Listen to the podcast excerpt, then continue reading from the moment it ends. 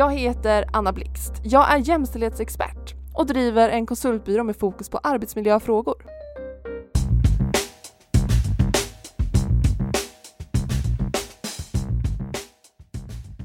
I dagens avsnitt av Jämställt arbetsliv ska vi prata om förändringsarbete.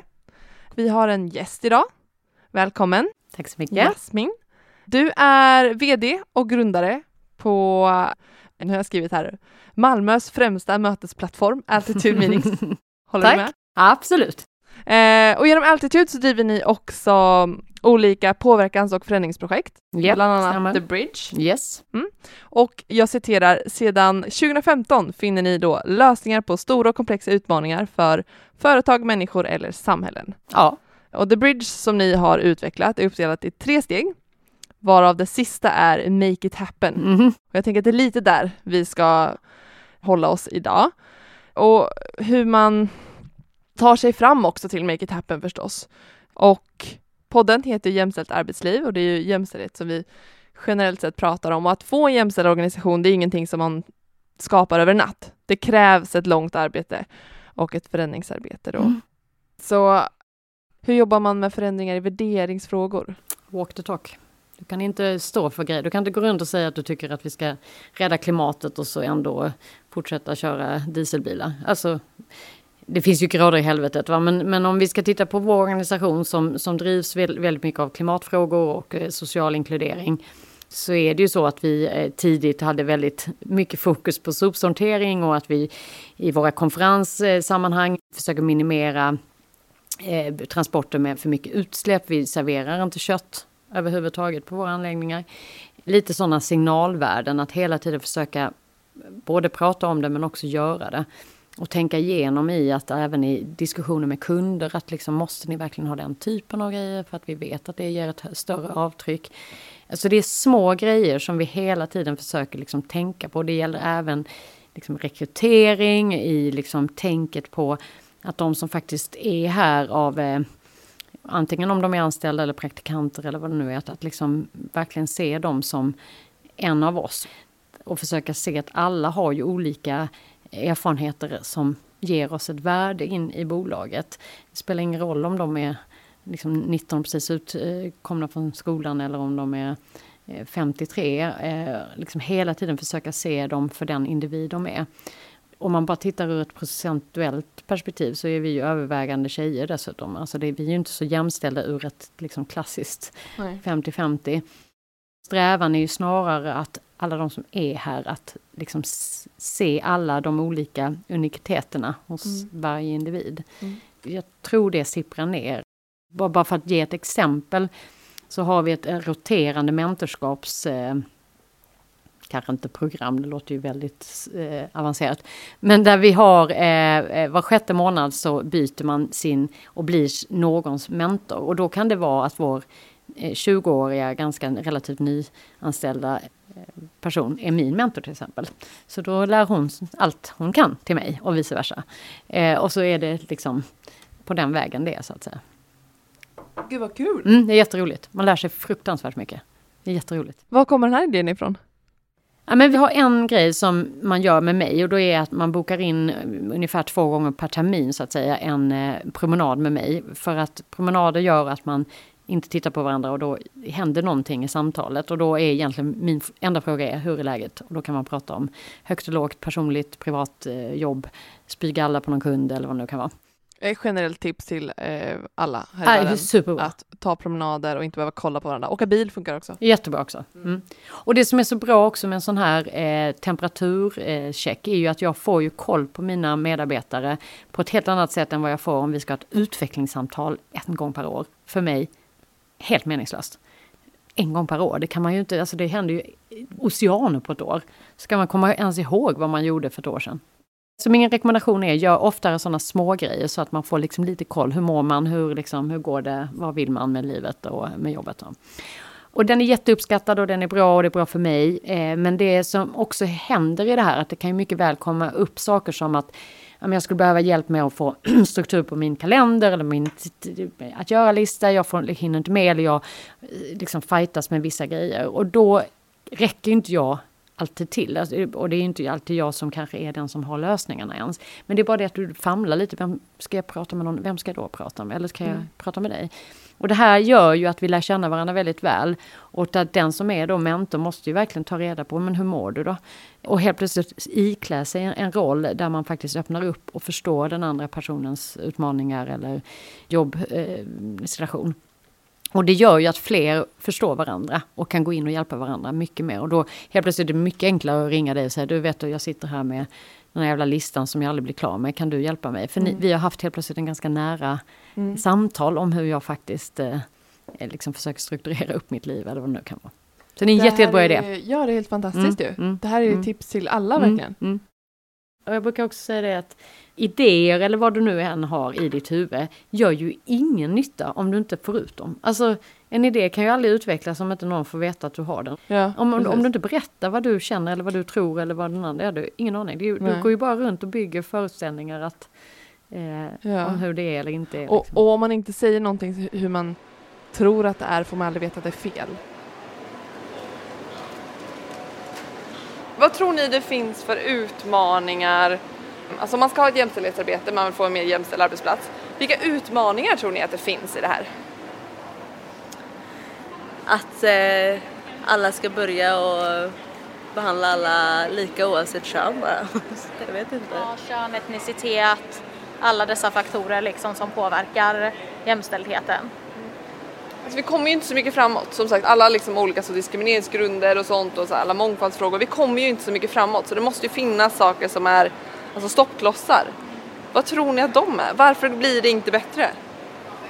Folk är kanske rädda för förändringar eller ta till sig saker. Alltså släppa fram andra personer.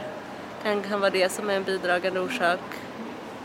Ja, de är nog vana vid de normerna som är och liksom jag tror sådana här förändringar kräver, eller tar väldigt stor, eller lång tid tills det liksom händer någonting.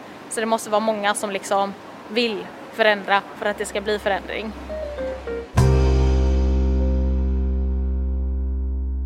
Vad krävs för att ha ett bra förändringsarbete i en organisation? Dels så tror jag att man måste bli medveten om eh, vad som händer i ens omgivning, alltså vara ganska lyhörd för att se och höra och förstå behovet av förändring. Eh, jag tror att det är väldigt lätt att bara liksom hamna i en situation där man bara fortsätter business as usual oavsett vad som händer i världen i någon tro att det som händer i världen ska go away.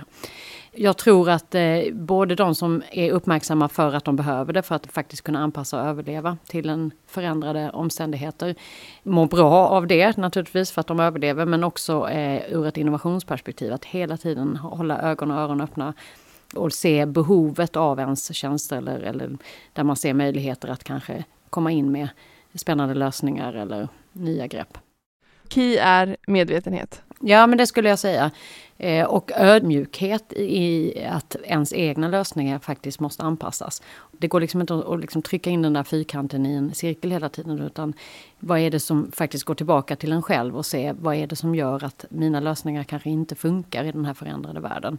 Och det tror jag eh, tyvärr att många tappar bort på vägen. Utan mm. man envisas med en dåres envishet att min lösning är ju den bästa. Mm. Fler borde vara lite mer ödmjuka inför att man behöver anpassa. Du lyssnar på Jämställt arbetsliv och i dagens avsnitt pratar vi om förändringsarbete med Jasmin Arhan Moder. Om man bara tittar på det senaste året vi står in, mitt i, förhoppningsvis kanske snart i slutet på, men trots allt i en pandemi, som har ju krävt ganska stora snabba förändringar för att man ska kunna överleva. Och då krävs det ju både mod och en insikt att liksom snabbt försöka fundera på hur man kan ställa om och anpassa.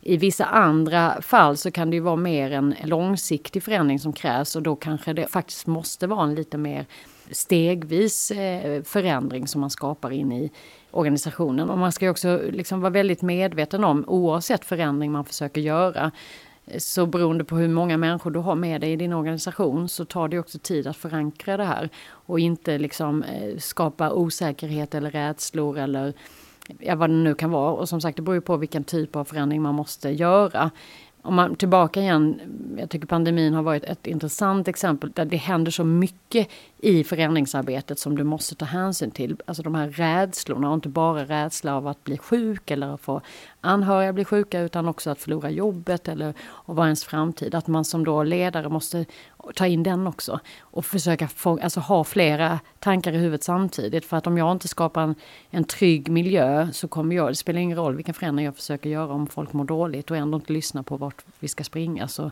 får jag ändå ingen med mig.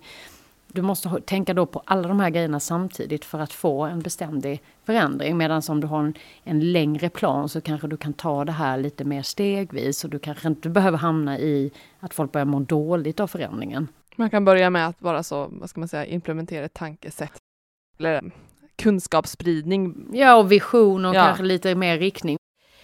Min syn är ju, och på tal om ett inkluderande och jämställt eh, arbetsliv, det är ju att vi jobbar väldigt mycket med att se att alla har en, en del att bidra med i vad vi än gör. Nya idéer eller förändring eller omställning, vad det nu kan vara. Och att det liksom hela tiden ha ett försök att ha högt i tak och öppna upp för allas idéer och workshoppa fram något eller jobba fram någonting som då är en görlig väg framåt och att alla känner sig liksom delansvariga i den här processen. Och det kanske man inte alltid kan göra när det är väldigt snabba ryck. Utan, och då måste man hitta vägar för att ändå känna sig liksom att man är med på den här resan. Men som sagt i de längre processerna så är det mycket lättare att få med alla i så att säga tänket. Och våga också släppa kontrollen som ledare väldigt mycket och, och liksom lita på att andras sätt att tänka och väga fram är värda att testa. Det betyder ju inte att allting måste vara rätt, men det är ju ingen som har rätt alltid. Det är väl det enda vi vet. Ett lite mer agilt förhållningssätt Exakt. alltså. Mm. Men där du säger att man kan mötas av rädsla eller att man möts av motstånd kanske, eller så. Hur motiverar man medarbetarna och kanske framförallt om det är en hierarkisk organisation, om det är en stor organisation, hur motiverar man dem längst bort ifrån en själv?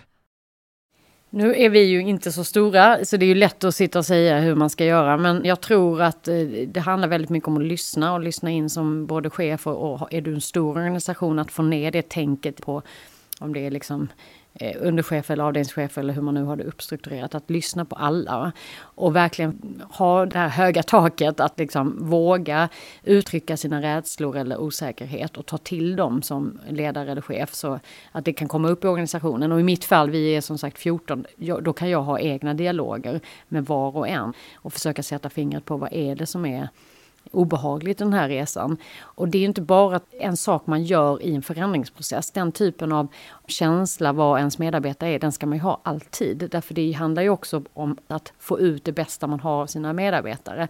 Alltså vad är det de går igång på? Vad är de duktiga på? Vad är det de brinner för? Varför går man upp liksom ur sängen? Hittar du de drivkrafterna så får du ju också massa bra medarbetare som gör väldigt mycket bra saker. Men om du aldrig lyssnar så har du ingen aning.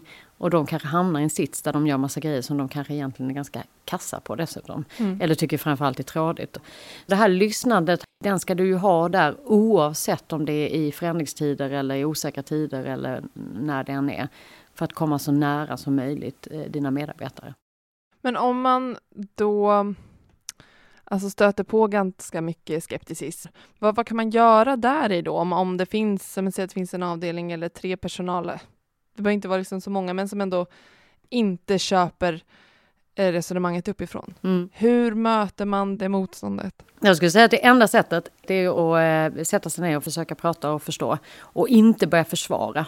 Alltså inte komma och liksom med någon liksom... Vi upprepar det, inte försvara. Exakt, och verkligen liksom, ja, men sätta sig på den personens sida och försöka förstå vad är det som är hotfullt i detta? Vad är det som gör att man känner sig rädd eller obekväm eller överkörd eller vad är det? Vad är det i min kommunikation? Är det mina halva meningar? Är det, varför har jag inte fått med er? Vad är det?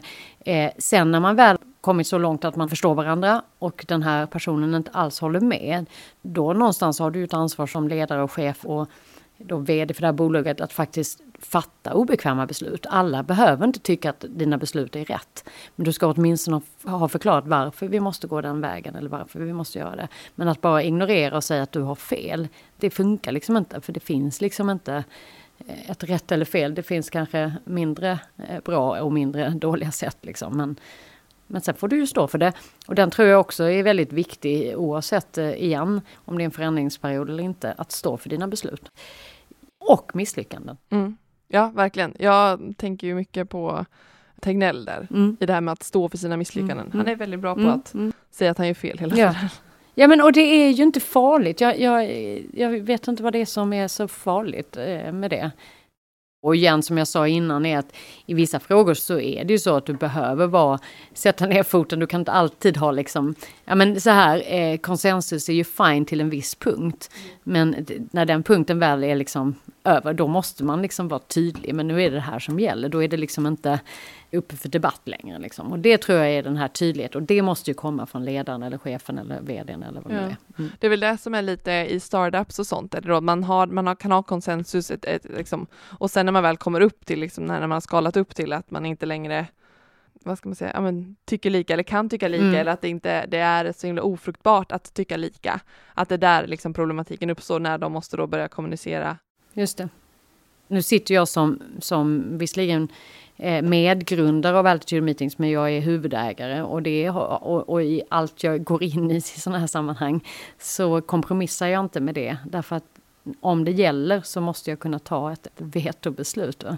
Någon måste ju stå för det där beslutet. Och är man många som, som, eh, som eh, ja men nu har vi tagit det här ihop, ja vem ser då ansvaret om det går åt helvete? I mitt fall är det ju, när jag väl har tagit beslutet så är det ju jag som ryker eller jag som får skiten eller jag som får ta smällen om någonting händer. Och jag tycker det är, och, alltså det är helt okej, det är ju min roll som, som vd. Men ni kan säkert se väldigt många sammanhang, och jag skulle säga att det här är lite svenskt, att man gärna gör de här konsensusbesluten som gör att ingen har ansvaret för när det går åt helvete och ingen riktigt har, vilket är ju synd, cred när det väl går bra. Va? Kan Mm. ju titta my- mycket i offentligt sammanhang och så, men även ganska mycket i företagssammanhang också.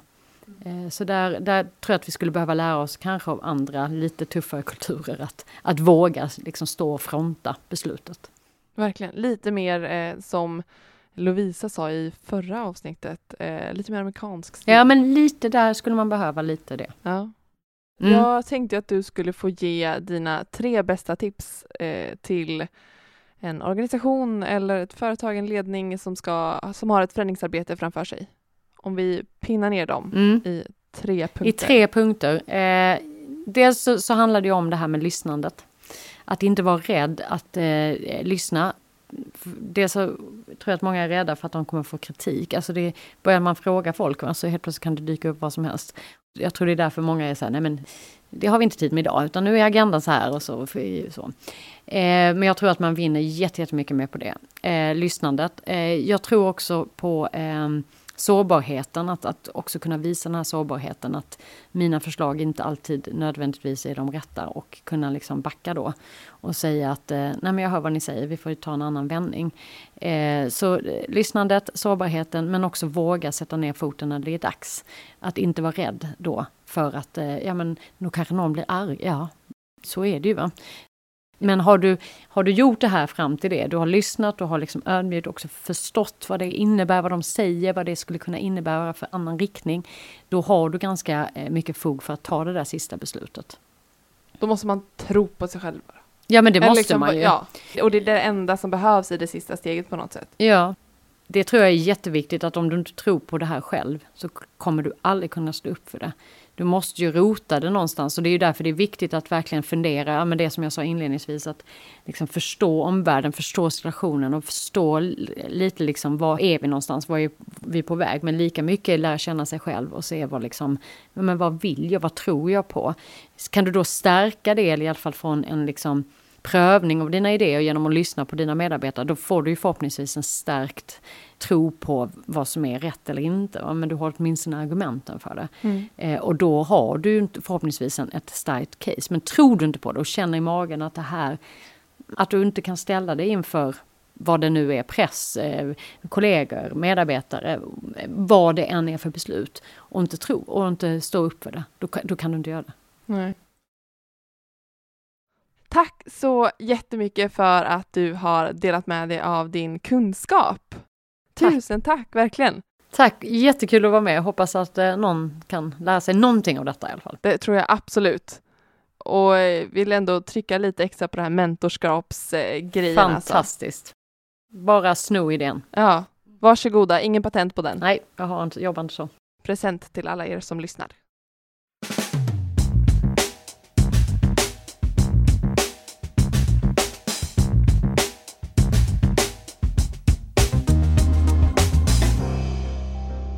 Du har hört ett avsnitt av podden Jämställt arbetsliv med mig Anna Blixt. Vill du höra mer om mig så finner du fler avsnitt av podcasten där poddar finns och på min hemsida annablixt.com. Skulle du vilja att jag kommer till ditt företag och hjälper er med de här frågorna? Det är bara att höra av sig. Du når mig på mail annablixt.com. Tillsammans kan vi göra arbetslivet lite mer jämställt. Ta hand om er. Puss och kram!